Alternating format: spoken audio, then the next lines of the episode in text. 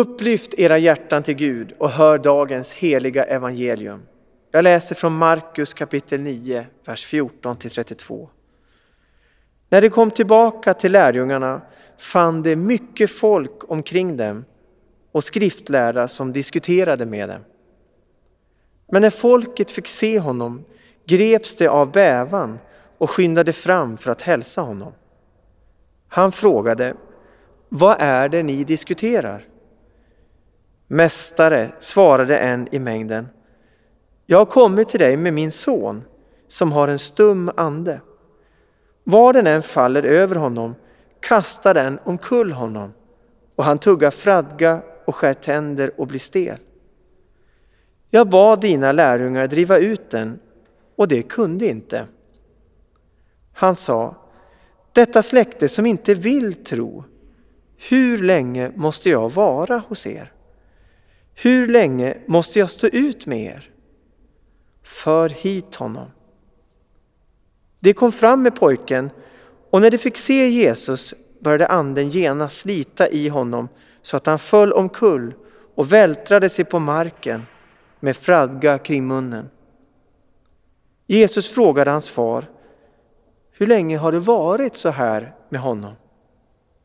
Fadern svarade, sedan han var liten och ofta har anden kastat honom både i eld och vatten för att ta livet av honom. Men förbarma dig över oss och hjälp oss om du kan.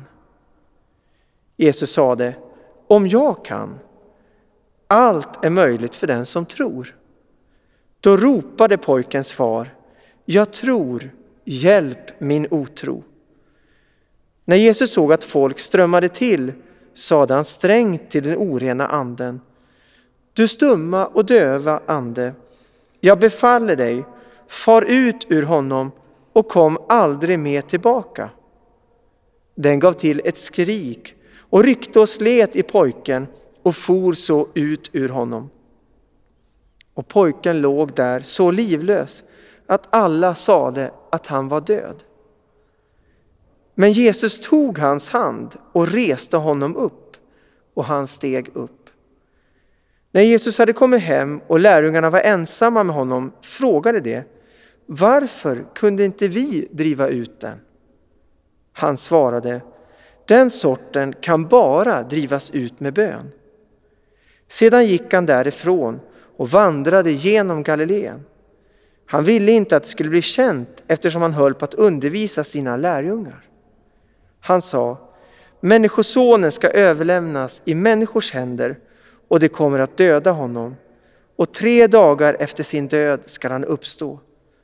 Men de förstod inte vad han menade och vågade inte fråga. Så lyder det heliga evangeliet. Lovad vare du, Kristus. Kampen mot ondskan är dagens tema den tredje söndagen i fastan. Det har alltid funnits en kamp mot ondskan, men även i vår tid finns det mycket som skapar oro och bekymmer och lidande just nu. Dagens evangelietext handlar om en familjesituation där en pappa som i sin desperation över sin sons lidande söker hjälp hos Jesus. Kanske var det så att han hade hört rykten under det som Jesus, om det under som Jesus gjort på andra platser som fått honom att uppsöka Jesus. Kanske hade han hört om den man som levt bland gravar men som Jesus befriat ifrån de onda andar som plågat den mannen.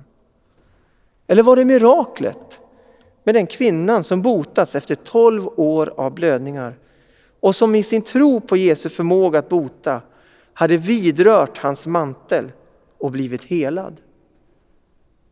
Eller var det berättelsen om synagogsföreståndaren Jairus tolvåriga dotter som Jesus uppväckte från de döda som fått pappan att söka upp Jesus för sin sons skull? Ja, han kanske till och med hade hört talas om att en hednisk kvinna hade kommit till Jesus och bett honom driva ut en ond ande ur sin dotter och för hennes tros skull hade han gjort detta. Vi vet inte säkert, Men hans desperation ledde honom fram till Jesus. Vi vet dock en sak.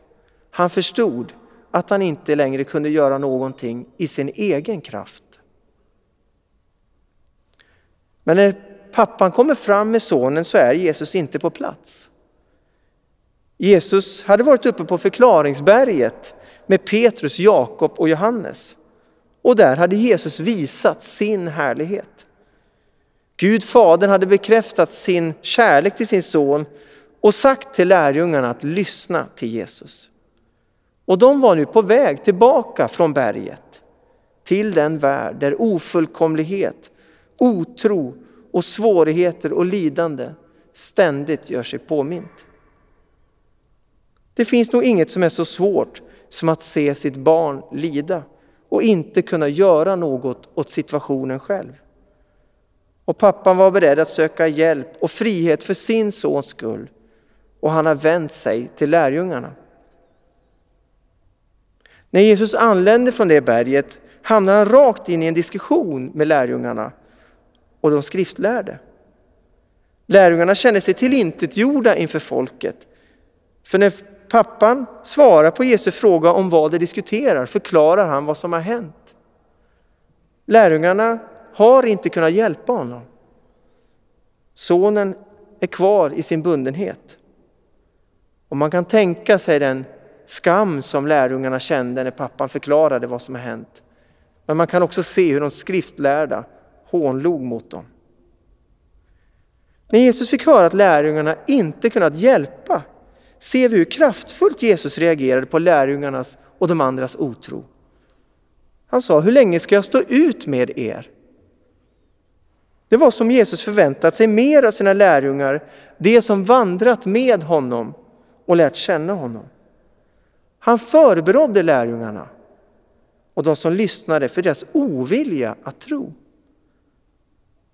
Man kan känna den där hopplösheten och vanmakten som måste infunnit sig både hos lärjungarna och hos pojkens pappa vid det ögonblicket. Men så vänder allt. Jesus kallade pojken till sig med orden För hit honom. När pojken kommer fram till Jesus manifesteras den onda anden och när Jesus frågar hur länge det har varit så här så svarar pappan att det har varit så ända sedan han var ett litet barn. Vi förstår att Jesus verkligen bryr sig om pappan och sonen. Han vill veta hur det ligger till. Och till sist hör vi pappan ropa, hjälpa honom och hans son om Jesus kan. Svaret är förbluffande. Jesus svarar, om jag kan. Allt förmår den som tror. Och gensvaret till detta kommer som ett rop ifrån pappan när han säger, jag tror, hjälp min otro. Det finns en ärlighet hos denne pappa som vi kan lära oss av. Han förstod att behovet av tro på det Jesus sa, men var samtidigt medveten om sin egna svaghet, sin egen otro. Det är denna paradox vi människor lever i. Vi kan pendla mellan tro och otro. Men pappans ärlighet och bön blir ändå besvarad.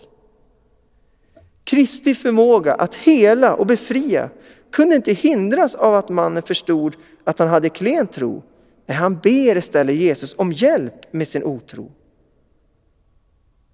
Biskop Bo Giertz menade att vi i detta stycke ser den sanna tron som sätter sin tillit till Jesus men inte litar på sig själv. Pappan var ärlig, både mot Gud och mot sig själv. Tron handlar om att lita på Kristus och inte se till vår egen förmåga. Tron riktas mot honom som för allting är möjligt. Och det är så vi får lyfta vår blick i bönen från oss själva och se på Jesus. När människor strömmade till ser vi hur Jesus befriar pojken från hans plågoande och han faller som livlös ner. Och vi kan bara föreställa oss vilka tankar som for igenom dem som stod och tittade på denna pojke och denna händelse. Lärjungarna som troligtvis fortfarande skämdes. De skriftlärda som aldrig kunde glädjas åt ett Guds under. Och så pappan som har sett sin son befriats i detta ögonblick men som nu ligger som livlös. Men så sker det som vi så ofta ser i evangelierna. Att Jesus rörde vid pojken och tar hans hand.